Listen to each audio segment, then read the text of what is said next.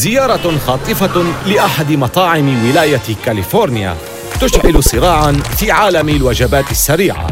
إنه مطعم بلا أدوات طعام أو قائمة مأكولات. لا يفكر الأخوان ماكدونالدز في التوسع لكن طموح صانع خلاطات خفق الحليب يغير المعادلة. في الجهة المقابلة تشتعل المنافسة هذه المرة مع مستثمر ينتقل من بيع الآيس كريم إلى صناعة البرجر.